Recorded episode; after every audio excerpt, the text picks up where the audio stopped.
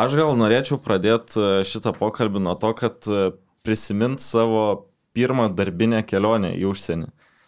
Pirmą kartą, kai gyvenime gavau progą išvažiuoti su, su savo darbu į užsienį, tai buvo kaip tik, kai žaidė Lietkabelis. Prisimenat tą kelionę, kai pirmą kartą išvažiavau į užsienį? Baloniją. Į Baloniją, jo. Atkrintamosios suvirtus. Jo, ir tą kartą mes gal iki tos kelionės net su Martinu mes susitarėm kreiptis, jeigu ką, tu šito interviu metu, tai su Martinu net e, kažkaip nebuvom labai daug bendravę, bet kaip tik gal tos kelionės metu ir užsimesgė, tai ryšys, gal netgi sakyčiau, pats pirmas jau tas krepšinio žmogus, su kuriuo kažkokį e, kitokį kontaktą turėjau. Tai kaip jūs galbūt prisimenate tą kelionę iš savo pusės, kaip atrodo, kai žurnalistas keliauja su lietkabeliu, kas šiaip yra, nu, atsižvelgiant tai, kad tai yra trečia Lietuvos komanda dažniausiai, nėra sulaukinti tokio dėmesio. Ar buvo smagu, kad e, sulaukė komanda dėmesio? Labai smagu, iš tikrųjų tas e, ir kelionė pati buvo ypatinga, atkrintamosios rungtynės, žaidžiame su tituluotu Bolonijos klubu, kuris dabar Eurolygoje žaidžia ir su mumis keliauja basketinių žurnalistas. Žurnalistas reiškia, mes gauname jau dėmesį kažkokį iš žiniasklaidos, kad e, ne tik atvažiuoja pas mus į Panevežį pasižiūrėti, iš kitų miestų, iš Vilniaus, iš Kauno, Basket News, kiti portalai, bet ir važiuoja kartu su komanda. Nu, tai mes supratome, kad tai yra neįlynis įvykis, tai yra kažkas kitoks ir kad gaunam dėmesio ir kad mes esame įdomus. Įdomus ne tik tai, kai žaidžiame Lietuvoje, panevežyje, bet ir kai vykstame į užsienį. Tai tikrai buvo malonu. Ir manau, kad tau irgi buvo įdomi patirtis. Man tai labai įdomi patirtis buvo. Aišku, dabar jau tų kelionių visokių buvo ir su žalgeriu, ir su visko, bet ta pirma kelionė tikrai buvo labai įsimintina, aišku, norėjusi tos geresnės pabaigos, gal visą laiką norisi, kai keliauji su, su komanda, kad pergalė baigtųsi. Tai e, pristatysiu gal tiesiog iš karto, kad šiandien BM pokalbės dalyvauja Martinas Purlys, bet Lietkabelio direktorius.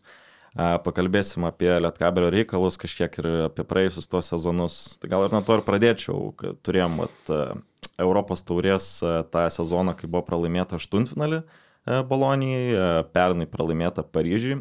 Ir, na, tokia, nežinau, galvoju, kartais dilema yra, e, nes reguliariam sezone mes giriam lietkabelį labai palyginus ir biudžeto prasme, ir, ir, ir, ir žaidėjų kokybės labai stiprus pasirodymai. Ketvirt, penkta, ketvirta vieta buvo, bet iš kitos pusės galiausiai finišas vis tiek aštuntfinalėje. Tai kaip jūs galbūt viduje įsivertinat tuos pasirodymus Europos tauriai, kokia galbūt refleksija komandos viduje yra apie tos rezultatus? Tai kiekvienais metais keliame tikslą patekti atkrintamasias. Šiais metais, kadangi formatas yra šiek tiek kitoks, tai yra sunkiau patekti, jau šešios komandos pirmos patenka. Tai tikslas mūsų ir šiais metais yra ne, ne, nepasikeitęs, mm, tačiau kaip tu ir tam pačiam klausime uždavė, jo, mes žaidžiame su Paryžiaus komanda, mes žaidžiame išvykoje, mes žaidžiame su Bolonijos komanda išvykoje ir tai lemia vienos rungtynės, ar ne? Ir gerai, ir blogai, ir vienas rungtynės tai gali tos silpnesnės komandos turi kaip ir didesnį šansą, ar ne, laimėti. Nepasisekė būdų kartus dėl vienų ar kitokių priežasčių. Vis dėlto, vėl, nu, mes esam komanda su dviem milijonais, ar ne, tai yra minimalus biudžetas, kuris reikalaujama Eurocapė. Žaidžiam prieš komandą su kelis kartus didesniais biudžetais tai nėra pasiteisinimas, mes tą tikriausiai kiekvienais metais darom ir laimim prieš komandas, kurios turi biudžetus didesnius, bet tačiau visą laiką norisi laimėti. Tai pirmas tikslas yra patekti atkrintamasis. Po to jau žiūrėsime, jeigu pateksime, tikiu, kad pateksime ir šiais metais, matysime, kokioje situacijoje mes esame, turiuomenį žaidėjų sveikatos formos ir, ir taip toliau, kokie bus priešininkai, kokio pajėgumo ir kas bus tie priešininkai. Tai Pirmas dalykas, aišku, mums reikia patekti krinkinamąsią šiais metais. Mm. Užsiminėte apie tos 2 milijonus, čia yra kažkoks reikalavimas Europos taurės tuos 2 milijonus surinkti, ta prasme, čia yra reglamente tai matyta. O jūsų žiniom, kur tie, ar yra dar komandų, kurios irgi, gal Šlionskas irgi? Turi? Jo, Šlionskas kažkas panašaus yra, bet e, žaidėm su Trento dabar 5 milijonai pas juos yra, tai tokie jau iš mažesnių biudžetų mm. komandų yra. Tai ko gero Lietkabelis 17-18 komanda, Vat, kaip tik užsiminėte apie Trentą, tai uh, E, grįžtat po pralaimėjimo ir kaip tik noriu paklausti, kaip įvertintumėte tuos e, dabar šansus e, žengti kitą etapą, nes jau apkalbėjom, kad situacija atrodo šiek tiek sudėtinga, žvelgiant bent jau turnyrinę lentelę. Situacija nėra lengva, jo, ypač po kelių pralaimėjimų Trentui ir, ir, ir prieš tai Budušnos. komandai, tai mūsų tiesio, Aris, mūsų tiesioginiams konkurentais dėl patekimo atkrintamasias yra kaip yra. Turime mes dar rungtynių namuose, kurias turime, turime išvykoj, kaip ir šnekėjome viduje komandos, su treneriais, su, su administracija, su žaidėjais, kad visas, komand, visas komandas mes galime laimėti. Tikrai nėra tokių komandų, prieš kurias mes ne, negalėtume laimėti. Vėlgi tai priklauso daug nuo mūsų situacijos, ar ne? Mes turime kol kas Lipkevičių sergantį, turim Varną traumuotą, kuris dar negalės padėti apie 3-4 savaitės. Tai, bet ir su tokiam, su tokiam sveikatos būklė mes visą sezoną šitą jau žaidžiame. Tai e, darome daugiau negu galėtume, bet tikriausiai kiekvieną sezoną, pas kelis paskutinius sezonus mes, mes šiek tiek viršime savo lūkesčius. Man atrodo, mes jau esam kalbėję apie tai, kad uh, iš esmės, na, šiaip iš neutralaus turbūt fano perspektyvos tas Europos turės formato pakeitimas uh, yra įdomu vien dėl to, kad intriga didesnė, didesnis competitionas, bet uh, iš lietkabelio pusės tas formato pakeitimas, nu, tikrai ne pliusas, žinant tai, kad jūs konkuruojat dėl tų žemesnių pozicijų šitas formatas pasikeitęs galbūt yra daugiau sažiningesnis. Taip, sažiningesnis tų komandų atžvilgių, kurios uh, užima pirmą, antrą, trečią vietas, ar ne, ir jos m, nebepriklauso nuo tokio atsitiktinumo vienų rungtynių atkrintamųjų.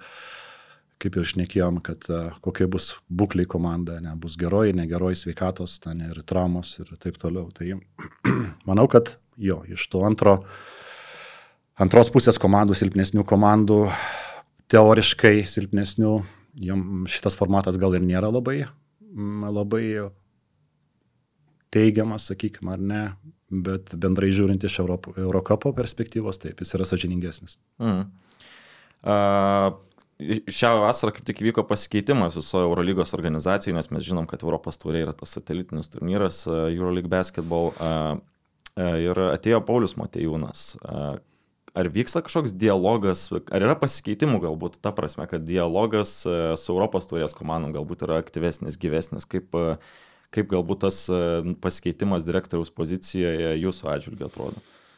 Ne, per daug mes nejaučiame kažkokio pasikeitimo. Kontaktas su Pauliumi yra kaip ir buvo anksčiau, taip ir dabar. Mm, jeigu taip konkrečiau, taip kaip su Eurolygos vadovu bendravom čia per, prieš porą dienų, kelias pas, pastarąsias dienas, būtent dėl e, Eurolygos rungtynių Fenerbakčia Makabi, kurios vyks e, panevežyje sausio ketvirtą dieną, tai būtent dėl to. O ne, mes kol kas dar bet nepajautėm, kad tai turėtų būti kažkoks tai kitoks, ypač lietuvių komandų, mūsų komandų atžvilgių, kai lietuvis Paulius Matejūnas tapo Eurolygos vadovu. Iš kitos pusės manau, kad jis ir neturėtų skirti kažkokį tai dėmesį ir akcentuoti lietuvių komandų. Vis tiek jis atstovauja visą Eurolygą organizaciją, tiek tai nežinau, gal kai pradėsime šnekėti dėl kito sezono, gal ir bus kažkoks tai dar, dar kontaktas, bet kol kas nieko. Paulius e, Jankūnas buvo kalbėjęs man, kad e, jaučiasi tas pagyvėjimas pokalbėse, mitinguose su komandomis. Tai ar čia galėtų būti kažkokia galbūt atskirtis tarp to, kiek Eurolyga dėmesio skiria savo pagrindinio turnyro komandoms ir antro turnyro komandoms? Na, visą laiką pagrindinis turnyras yra Eurolyga. Ir tai yra pagrindinis arkliukas kuris varo visą Eurolygos organizaciją. Tai Euro, Europos taurės turnyras yra kaip toksai jaunesnysis brolis, jeigu galima tai pavadinti, kuris turi kuris ruošia komandos ir turi galimybės čempionai patekti į Eurolygą. Tai negaliu pasakyti, kad nebūdavo dėmesio ir tas Europos taurės turnyras būdavo kaip užmirštas. Tai visą laiką Eurolygos atstovai pabrėždavo ir buvęs vadovas Jordi Bartomėjau, kad yra svarbi, svarbus turnyras, kad kiekviena komanda yra svarbi, vyksta susirinkimai kiekvieną vasarą, vyksta betarpiškas bendravimas irgi su Eurolygos tam tikrai žmonėms, kurie atsakingi už Europos taurės turnyrą. Tai aišku, Paulių Jankūnų yra mm, kitaip matyti, nes vis tiek jie tiesiogiai bendrauja, tikriausiai kaip Eurolygos komandos artimiau bendrauja su ta valdžia visa, mes jau kaip ir tokie šiek tiek žemesnė kastoje. Nenuplaukiant ar nuo tos temos užsiminėte apie tos rungtynės Fenerbakčias Makabi. Kaip išsirutulioja apskritai ši situacija? Na tai yra ko gero įvertinimas kažkiek ir organizacijai, kad, kad gaunat, kaip suprantu, nes prisidėsit kažkiek prie rungtynių organizavimo kaip klubas. Taip, tai manau, kad tai sutapo tam tikros aplinkybės. Neturiu aš oficialios informacijos apie tai, kodėl buvo pasirinkta, pasirinktas panevežys. Kiek žinau iš neoficialių pokalbių, tiesiog, kad buvo tam tikras miestų Europos taurės komandų arenų miestų skaičius, kurie galėjo priimti ir buvo pasirinktas panevežys. Galiu tik tai spėlioti, kad tai gali būti Šarūno Jasikevičius indėlis. Mm, vis tiek Lietuva, galbūt ir Paulius Matijūnas galėjo pasakyti savo žinias apie Panevežį, apie Kalnapelio areną. Turim neblogą santykių su Fenerbakčia klubu. Tai Fenerbakčia klubas kreipėsi mus su, su pagalba dėl organizacijos, tai mes ir padedam, kiek mes galim. Aha. O gal jau teko kažkiek diskutuoti apskritai apie tą ateitį Europos taurės turnyro, nes vis tiek buvo irgi čia tų diskusijų, kad galbūt čempionų lygas Europos taurės susijungs. Ar, ar yra aktyvi apskritai šito turnyro egzistavimo diskusija šiuo laiku? Jau keli metai, ar ne, vyksta labai daug diskusijų ir daug spekulacijų šitų atžvilgių. Vyksta tokia konkurencinė kova tarp čempionų lygos ir tarp Europos taurės kurį, kurį, kuris turnyras privilios daugiau geresnių komandų į savo pusę. Ir tada sakyti ir konkuruoti, kad mano turnyras yra geresnis ar tavo silpnesnis. Tai vėlgi, tų oficialių žinių yra mažai. Iš neoficialių pokalbių yra tokios, tokios žinios, kad Eurolyga labai svarbi yra, svarbus yra Europos taurės turnyras.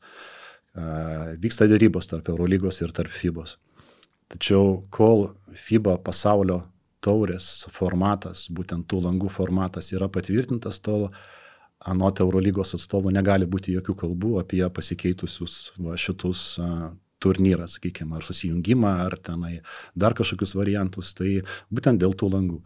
Yra kiti niuansai, yra Eurolygos įsipareigojimai MG kompanijai, kurie, m, pagal kuriuos yra įsipareigojama tam tikras rungtynių skaičius tiek Eurolygos, tiek Europos taurės. Uh, turnyruose. Tai vyksta diskusijos, vyksta dėrybos.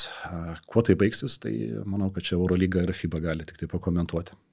Užsiminėte apie tą, kad matuojasi abu du turnyrai, kuri, kuris privilios tą stipresnį klubą, nuo Lietkabelis irgi turbūt yra, būtų, yra norimas Europos taurės ir būtų norimas čempionų lygos. Tai aš prisimenu kažkaip Vilniaus ryto situaciją, kai jie paliko Europos taurę daugiausiai dėl to finansinio aspekto, jie gavo gerą pasiūlymą iš čempionų lygos. Ir turbūt nėra taip, kad finansiškai apsimoka žaisti labiau Europos taurėje nei čempionų lygoje. Tai noriu paklausti, kaip, kokius galbūt pliusus jūs matote žaidžiant Europos taurėje, o ne čempionų lygoje? Aš galėčiau pasakyti apie finansus, kurie Europos taurėje yra. Tai kiekviena komanda gauna po 100 tūkstančių už dalyvavimą ir mm, nugalėtojas Europos taurės gauna 400 tūkstančių, mm, antros vietos laimėtos 200 tūkstančių, daugiau jokių premijų nėra. Bet reikia nepamiršti, kad pagrindinis tikriausiai dalykas, tai čempionas Europos taurės patenka, turi galimybę patekti Euro lygą. Ko, ko nėra, ar ne, sakykime, čempionų lygoje. Dėl finansų aš negalėčiau būti toks tikras ir pakomentuoti a, oficialius bonusus iš čempionų lygos. A, Esu girdėjęs, kad rytas turi specialius bonusus už patekimą, už laimėjimą LKL, e, už čempioną ir taip toliau, ir taip toliau. Tai tikriausiai jie atsižvelgiant ir tai ir priėmė sprendimą dalyvauti. Kas liečia mus, Lietkabelis, tai mes labai vertiname Europos taurės turnyrą. E, mums e, žymiai yra lengviau šnekėtis su pradedam su rėmėjais, nes rungtinių skaičius yra didesnis, žinomumas didesnis, televizija ir taip toliau. Su žaidėjais be abejo, Tai su... Tai prasme, žaidėjai labiau vertina Europos taurę negu, negu čempionų lygą. Aš kalbėčiau apskritai apie Europos taurę, aš negalėčiau kalbėti už žaidėjus, nes nu, mes žaidėme prieš keturis ar ten ar penkis metus, tik tai čia vieną sezoną čempionų lygoje, ar ne? Tai dabar dėl, jo, dėl Europos taurės, tai žaidėjams tai yra didelis privalumas, kai, pasiraš, kai kalbi su žaidėjų, su žaidėjais dėl, dėl, dėl kontrakto, tai Europos taurė labai svarbus yra aspektas ir darybos. O tai, kad e, Vilkai atėjo Europos taurė, čia yra labiau pliusas ar minusas Lietkabeliui? Kaip žiūrite šią situaciją? žiūrim plačiai, žiūrim, jeigu iš Lietuvos krepšinio, ne, tai yra pliusas. Tai dvi komandos atstovauja LKL, Lietuvos krepšinio, tai yra pliusas. Jeigu žiūrint labai siaurai ir egoistiškai iš, iš uh, Panevežė Lietkabelio, mes sakytume taip, tai yra mums konkurentas iš Lietuvos. Tai kuris, kuris galimai kovoja dėl tos, dėl tos vietos. Šiais metais mums pasisekė, mes gavom dvi vietas Lietuvoje. Mm. O kokie yra tie kriterijai, kad Lietkabelis e, patektų į Europos taurę, nes kiekvienais metais jūs kalbat, kad e, yra, e, tu kalbi, kad, Taip. kad vis dar turi problemą. Ar kiekvienais metais yra ta diskusija, kad nežinom, ar gausim vietą Europos tauriai, dar palaukim, kaip, kaip čia nais bus. Kokie yra tie kriterijai? Užsiminėt apie, užsiminėjai apie biudžetą, kaip, ar yra dar kažkokių kitų sąlygų? Manau, tai yra Eurolygos, Eurolygos pačios organizacijos nustatymai, kiek konkrečiam regionui yra skiriama vietų. Atsižvelgiant į ekonominę situaciją, ar žmonių skaičių, fanų, atsižvelgiant į klubą galų gale ir, ir į miestą ir, ir taip toliau. Tai anksčiau būdavo viena komanda, ne viena vieta LKL buvo skirta uh, Mes aš kalbu dabar apie kokius ten paskutinius 5-7 metus, ar ne? Būdavo išimčių, kai, kai Lietkabelis žaidė ir su Lietuvos rytu vieną kartą. Tačiau dabar, kai rytas išėjo į čempionų lygą, kai pasikeitė formatas, buvo numatyta viena vieta. Manau, kad Vilkų kaip organizacijos, kaip Vilniaus miesto, kaip klubo, kuris turi didelius tikslus, indėlis buvo tas, kad Eurolyga davė ir antrą vietą jiems būtent tokį, jeigu galim pavadinti wildcardą, to pasiekoje ir turime mes šiais metais dvi, dvi vietas. Kaip bus ateitinė, negaliu spėlioti, nežinau. Mhm. E, apie lankomumą norisi dar pakalbėti. Europos tauriai renkat po 2,6 tūkstančio žiūrovų. Kaip įvertintume šitą skaičių? Aš tikrai nenusimanau tuose dalykuose, tai, tai man atrodo, jūs geriau galite papasakoti. Kiekvienais metais, kiekvieną sezoną didėja lankomumas.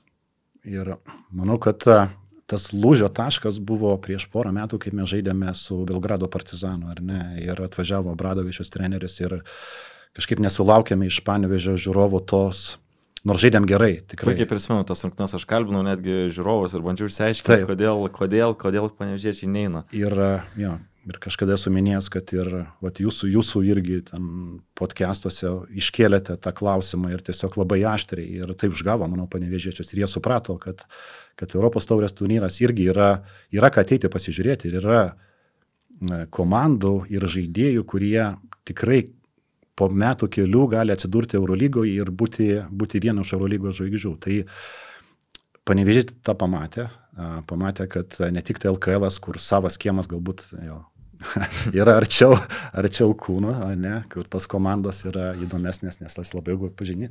Tai šiais metais yra dar didesnis lankomumas negu praeitais palygint. Ir kalbant apie du, du sezonus atgal, tai, jo, tai dar didesnis yra. Iš tikrųjų, tai lankomumas didėja, mes esame patenkinti, nors visą laiką norisi daugiau.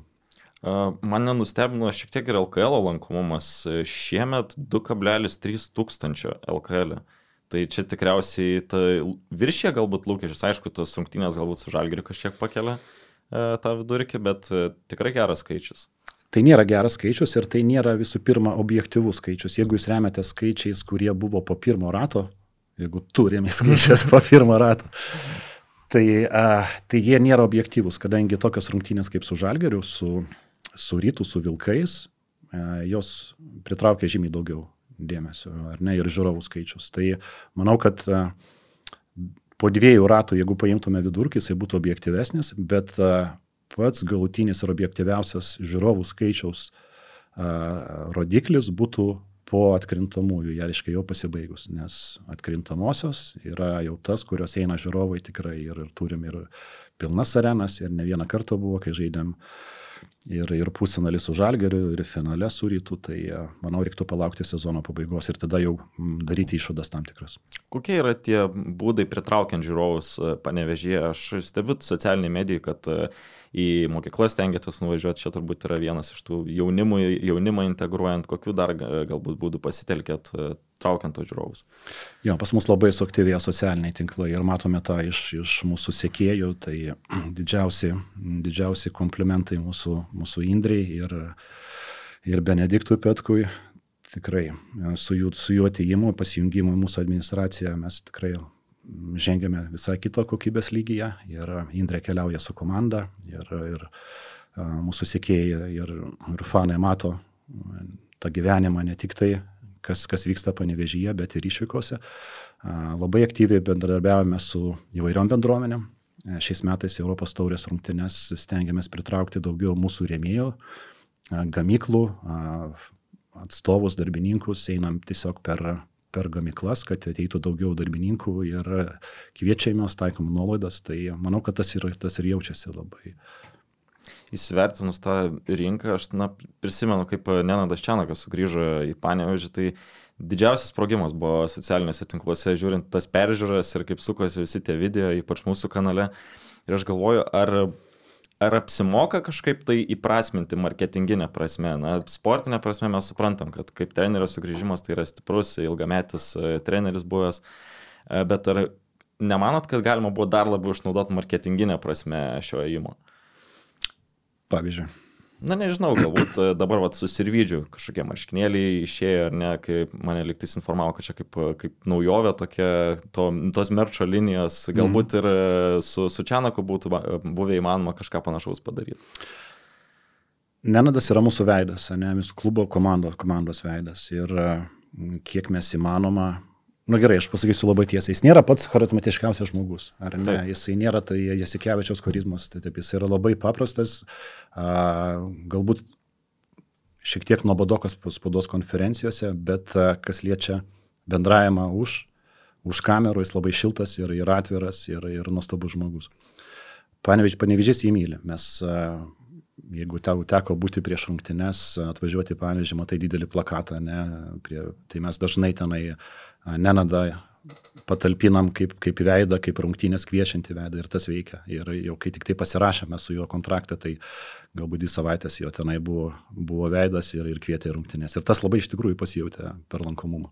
Mm. Na, reikia aišku dar grįžti prie to klausimo, kad pasirašyta sutartis iki sezono pabaigos, tai dėl ko nepavyksta tam ilgesniam laikui su juo įsipareigoti, vis tiek tai būtų didžiausia sėkmybė turbūt jūsų, kad įsipareigoti nereikėtų laukti tos vasaros. Mūsų mes labai norėjom pasirašyti ir ne vieniems, ir, ir ilgesnė metų, bet uh, reikės, nu, pabandykite irgi suprasti, kad uh, už, už kiekvieną žaidėją, už trenerio stovi agentas. Šiuo atveju stovi Miško Roznatovičius, vienas iš rimčiausių agentų. Ir jisai, jisai aukščiausias klasės agentas ir numatantis daug žingsnių į priekį.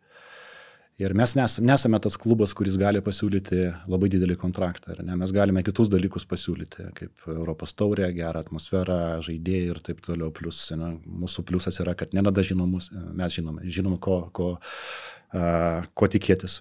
Dabar agentai turi savų išskaičiavimų irgi. Ir jie žiūri ne tik tai į tobulėjimo perspektyvę kaip trenerio ar ne, ar kaip, kaip žaidėjo, jeigu atstovauja, bet žiūri ir finansinius dalykus. Tai manau, kad finansiniai dalykai ir suvaidino labai nemažą rolę šituo atveju. Tačiau, nu, tai nėra, tai yra naujas dalykas, ar ne? Kad nenadas pas mus vienus metus yra. Tai turime pokalbis ir turėdavom pokalbis ir manau sugrįšime prie dar jau po, po naujų metų vasaris, kovos bus pradėsim kalbėtis. Tai vat, norisi paklausti apie tos klubus. Kiek jūs e, asmeniškai, kiek tu asmeniškai jauti tą pulsą iš kitų komandų Čianako atžvilgių, kiek jisai yra norima, ta, nesinori sakyti, prekiam, kiek norima žmogus rinkoje? Nu, kiek girdėjau, tai buvo klubų ir prieš kelis, kelis metus, kurie, kurie aktyviai domėjosi jo ir netgi šį sezoną. Jo, tai vienas LKL. Čia jau pasirašė su Lietkabeliu ar dar prieš? Dar prieš. Dar prieš. Jo, tai be abejo, jisai, jisai treneris, užsienytis treneris, kuris dirba Lietuvoje jau penkis metus. Tai ir dirba sėkmingai, tai natūralu, kad, kad krypsta akis ir, ir nori kiti klubai. Na, vieną klausimą vis tiek norisi apie Robertą Štelmacherį paklausti. Tai e, man įdomi ta, nežinau kaip įvardinti, gal psichologinė, moralinė pusė, nes tam, kad atvyktų Čianakas, e, tu turėjai atleisti, na, žmogus, su kuriuo turi gerą santykį. Robertą Štelmacherį, man atrodo, kad gal ir kažkiek e, sieja toks pat ryšys, panašus ryšys, koks yra su Čianaku, tas draugiškas, kažkiek jau į draugo pusę. Ir norisi kažkaip pasigilinti, kiek yra sunku, na, ne, taip gal grubiai nuskamba, bet kiek yra sunku atleisti draugą. Jo, ne, nėra lengva. Nesakyčiau, kad, kad mes su Robertu buvom draugais. Tas ryšys likęs nuo Lietuvos ryto laikų, bet jisai nebuvo nuolatinis. Taip.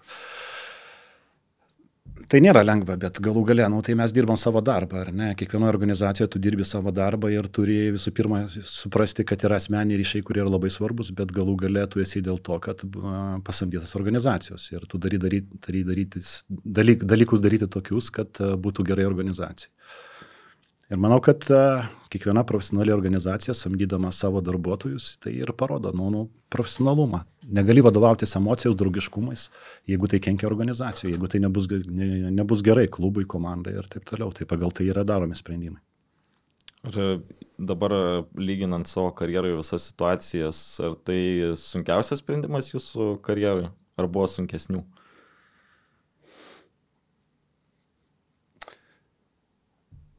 Aš dirbau Lietuvos ryte 11 Ten metų. turėjo būti labai daug sunkių sprendimų.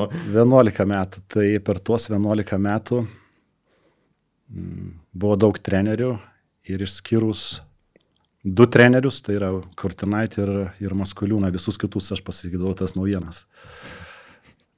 Turėdavau to, tą privilegiją. Tai ja, kiekvienas, kiekvienas atvejis yra skausmingas. Mm, kiekvienas atvejis nėra lengvas, tai yra žmogiški dalykai, bet kaip ir sakiau, nu, turi tą padaryti. Kalbant apie šio sezono komandą, ar dar yra kažkokių svarstymų apie papildymus galimus, kokia yra galimybė dar stiprinti sudėti šį sezoną? Nemanau, kad mes stiprinsime sudėti, bet niekada negali sakyti, būti tikras ir, ir kategoriškai teikti, vien dėl to nu, traumų situacijos. Mm. Mes... Man įdomi va ta įžaidėjo pozicija, nes visi kažkaip akcentuoja, kad lietkabeliai trūksta įžaidėjo, trūksta įžaidėjo ir aš atsimenu, mes kalbėjomės prieš, prieš sezoną ar sužaidus dviejas rungtynės ir sakėt, kad, sakai, kad kaip tik dėl to ir buvo pasirašytas vienas įžaidėjas tikras, o kitas turi būti kombinis, ar ne? Tai net ir nebuvo tokio užakcentuoto dalyko komplektacijai, kad turi būti būtinai du įžaidėjai. Pirmas dalykas, kad mes komplektavome su buvusius Robertu Štelmacheriu ir jo buvo pageidavimas turėti, ar ne, tokį, tokį žaidėją, scoring guard, ne, scoring point guard, kuris ne tik tai galėtų vadovauti komandai, bet daugiau būtų taškų darytojas. Tai turėjome John Davis, trumpalaikį kontraktą, nutraukėm, tada pasirašėm Paulių Valinską. Tai ir turime Dovį Bičkauską, kuris pagaliau jau sugrįžo. Tai galima daug diskutuoti, taip, ar, ar mums gerai, negerai. Vėl turėtume grįžti prie traumų situacijos, kad mes šitą sezoną dar nežaidėm ne vienų rungtynių pilnos sudėties. Kitas dalykas, nu, trenerio pasikeitimas, ar ne? Nenadas puikiai moka išnaudoti tuos dalykus ir paslėgti tam tikrus trūkumus, ar ten trūkumus, ar, ar nežinau, kaip čia pavadinsi. Uh, Bet iš kitos pusės nu, mes nesame ta komanda, kuri būtų pagal asistų bendrą skaičių paskutiniai vietoje. Ir kairė, man atrodo, tarp, tarp, tarp pirmaujančių esam, nežinau, dėl Eurocapo. Tai žiūrint bendrai iš asistų skaičius, tikrai negalėtume pasakyti, kad, kad šit, kažkur šlubuojame šitoj pusėje, tačiau statistika ne viską parodo. Koks jūsų įspūdis apie Dovio sugrįžimą?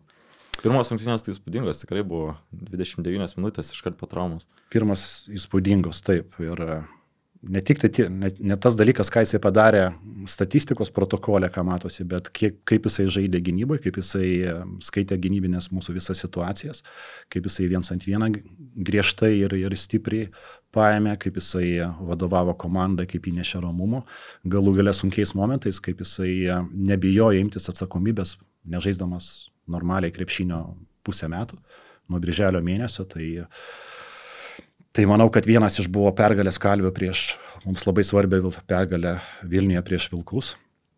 Na, o kalbant apie Trento rungtynės, natūralu, kad po gerai sužaistų rungtynių, po traumos ateina šioks toks sėdimas ir, ir jam buvo sunku kitą dieną po Vilkų rungtynių. Žaidęs nedaug, kaip sakė Nenadas, 29 minutės. Tai natūralu yra tam tikras sėdimas bet e, viskas bus gerai su juo. Bet Nenadas turi tą savyje, kad e, jisai e, spaudos konferencijai, nu, jam matosi, kad kančiai yra ten atsidėti, bet kai jisai atsistoja nuo, nuo tos kameros, jisai, netgi atsimenu toj pačioj balonijai, kai kalbėjomės, tada tiesiog į, į, į telefono mikrofoną kalbėjom, tai jisai išsišiepęs man atsakinėjo, nu čia visiš, visiškai kitas žmogus taip, atrodo. Taip, taip. Apie Paulių Valinską irgi buvo aktyvi kalba, kad jisai turi gerą pasiūlymą iš Turkijos, bet galiausiai šitas taip ir neįvyko. Ar buvo toks, toks variantas, kad Paulius galėjo išvykti šio sezono metu? Tai buvo, buvo, bet neįvyko.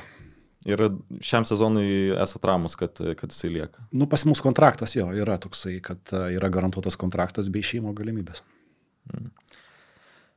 Ok. Uh, Noris dar pakalbėti šiek tiek ir apie tave asmeniškai, nes uh, šiek tiek sureaguosiu į tai, ką Rokas Pakienas 15 minučių interviu sakė. Tai sakė, kad turi daug ambicijų, ką nori pasiekti lietkabelėje, tai norisi pasigilinti, kokios yra tos ambicijos, kokius mato tą tikslą e, lietkabelėje asmeniškai.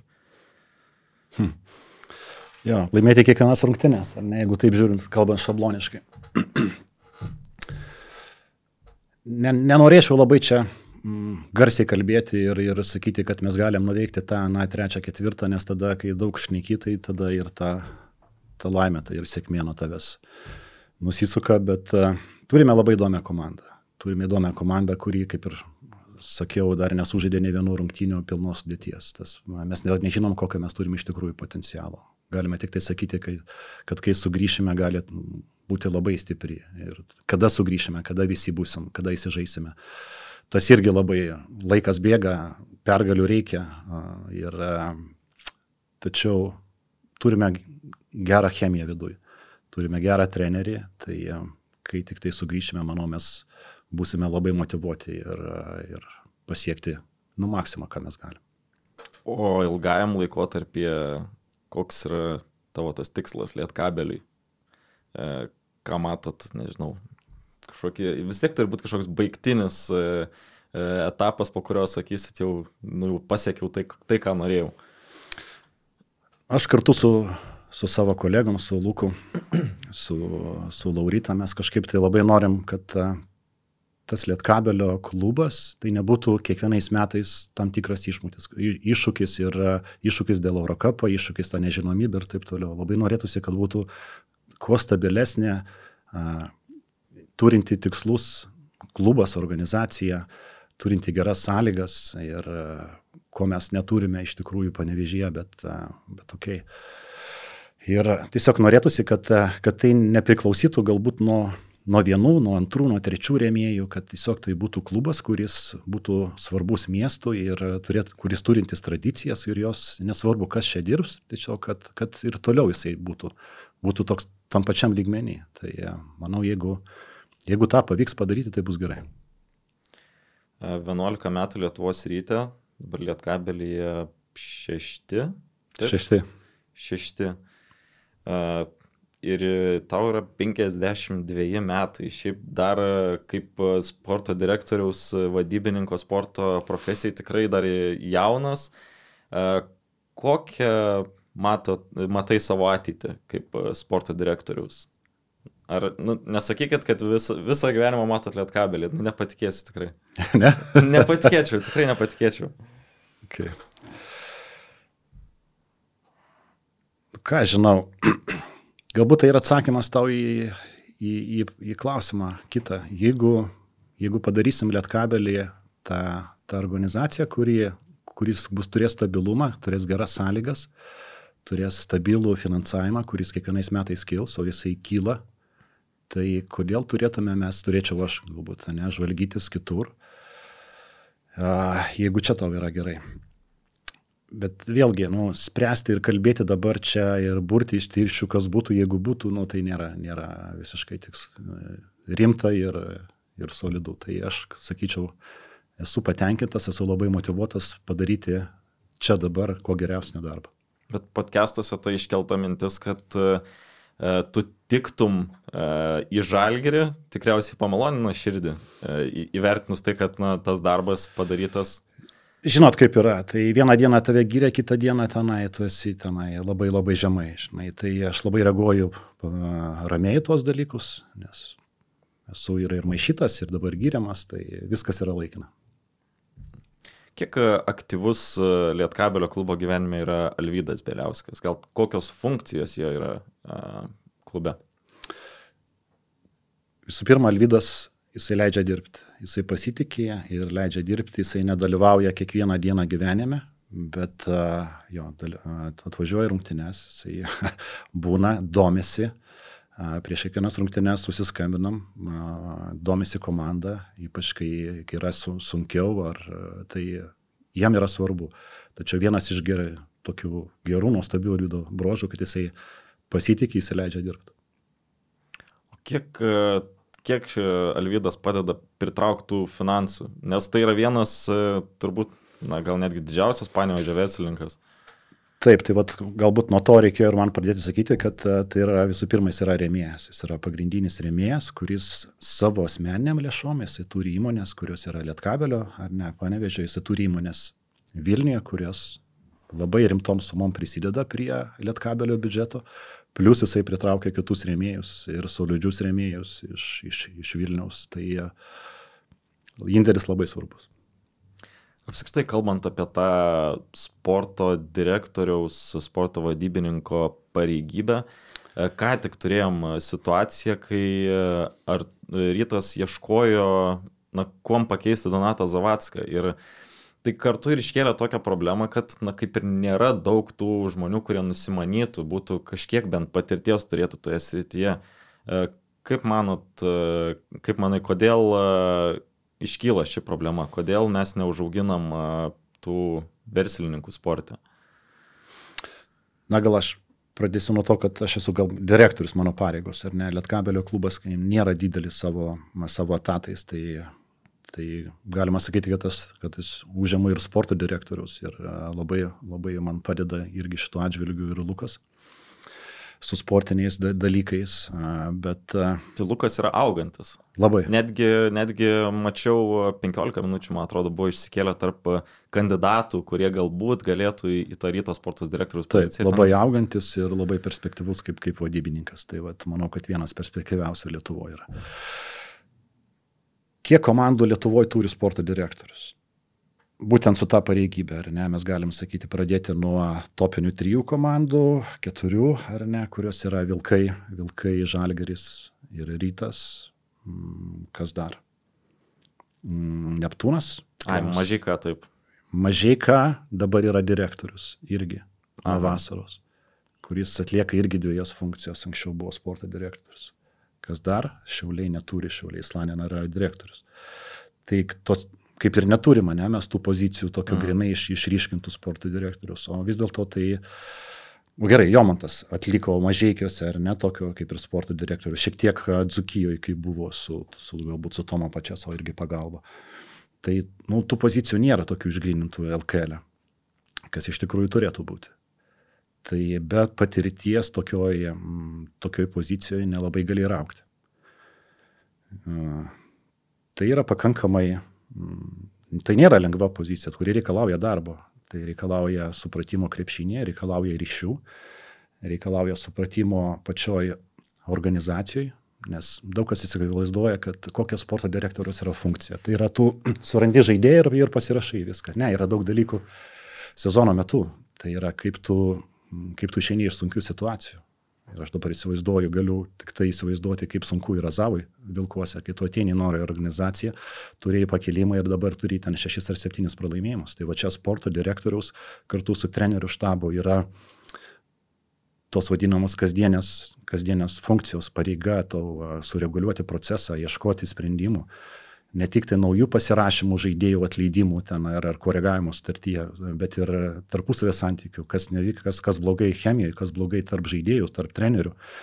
Gal procesas kažkur šlubuoja, gal kažkur kelionės yra netokios. Nu, tai yra daug dalykų, kurios, kurios apima sporto direktoriaus poziciją, ne tik tai, kaip ir minėjau, pasirašymas, skautingas ir taip toliau. Prieš metus kalbėjau su Pauliu Matejūnu, dar kai jisai žalgrė buvo, sakė, kad e, trūksta kažkiek dialogo tarp tų Lietuvos e, klubų direktorių, sporto direktorių, ar pasigendi kažkiek daugiau dialogo, kalbantis, dalinantis patirtimi, nežinau, vienas kitą ugdant, gal taip paklausiu. Mm, jo, Paulius gali būti teisų šituo atžvilgiu. Yra tam tikri santykiai, mm, asmeniniai santykiai galbūt su, su, su žmonėm, kuriuos pažinu, pažįstu jau pakankamai senai, bet tokių kaip uh, jo konkrečių dialogų ar tenai patirties pasikeitimų, tokio gal ir, gal ir trūksta LKL, jo, čia galbūt ir geras kampas yra. Pakalbėkime dar šiek tiek apie aktualijas. Turim šviežią naujieną, kad Rytas pasikvietė Markusą Fosterį, praėjusio sezono lyderį. Kaip, kaip tai keičia LKL paveikslą, žvelgiant ir iš Lietkabelio perspektyvos, ką, ką tai keičia? Kalbant apie pačią lygą, tai yra labai gerai.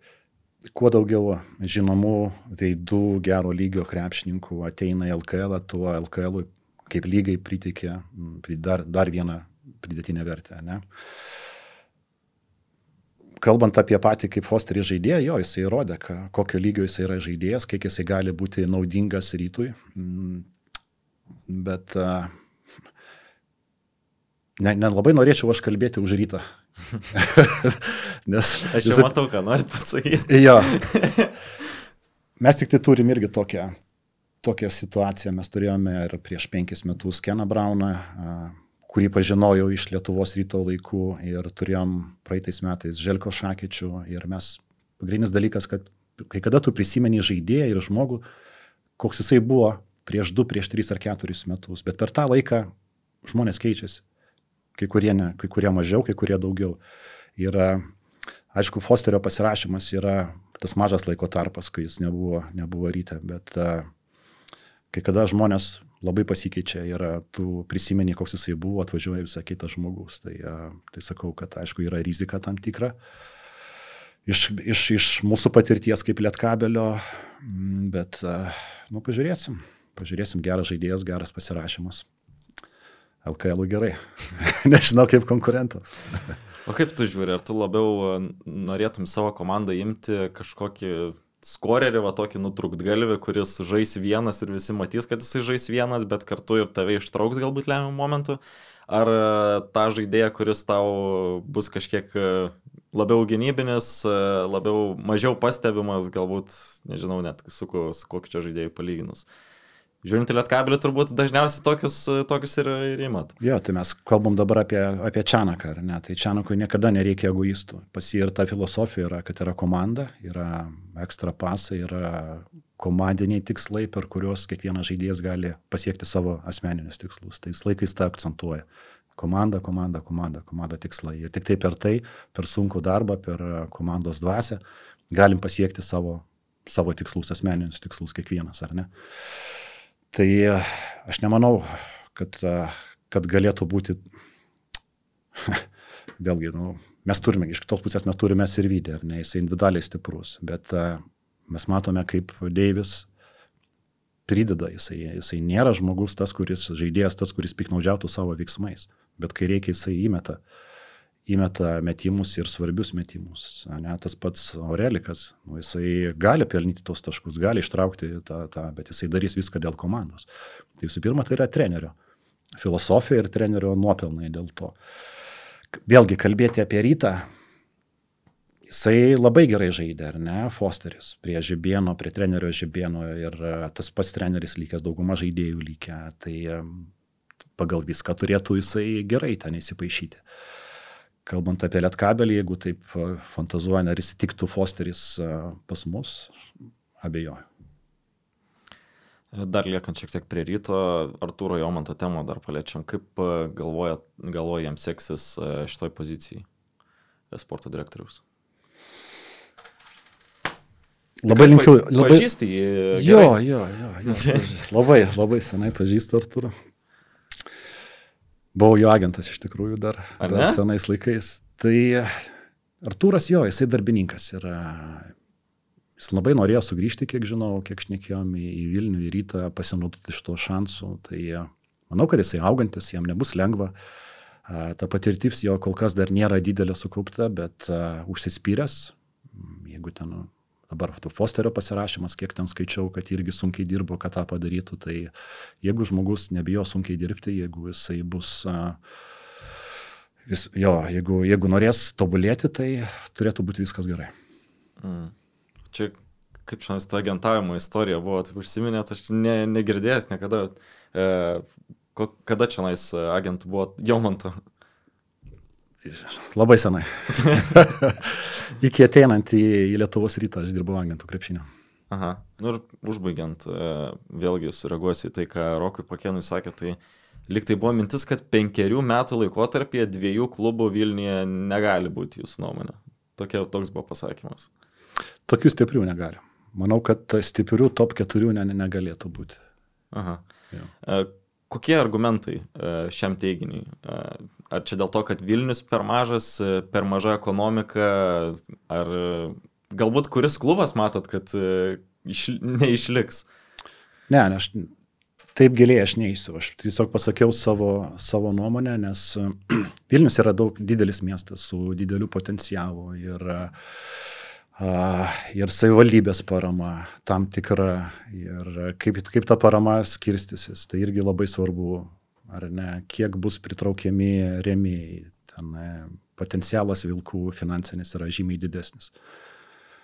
Kol kas e, rytas stabiliai turi savo biudžetą. Kaip tai įtakos, ten, sakykime, vienos ar kitos komandos, pavyzdžiui, jeigu vilkai pasiekia ten geresnius rezultatus, kaip tai įtakos ryto situaciją. Nu, tai yra labai daug, labai daug niuansų, kurių kurių sunku prognozuoti. Yra daug politikos šitose reikaluose, kur nenoriu gilintis. Tai, tai sakau, aš kažkaip tai gal aš gyvenu per senais laikais, kai buvo dvi komandos Sakalai ir, ir Lietuvos rytas, tai e, jos puikiai vieną papildydavo, turėdavo savo auditoriją ar ne, ir turėdavo savo tikslus.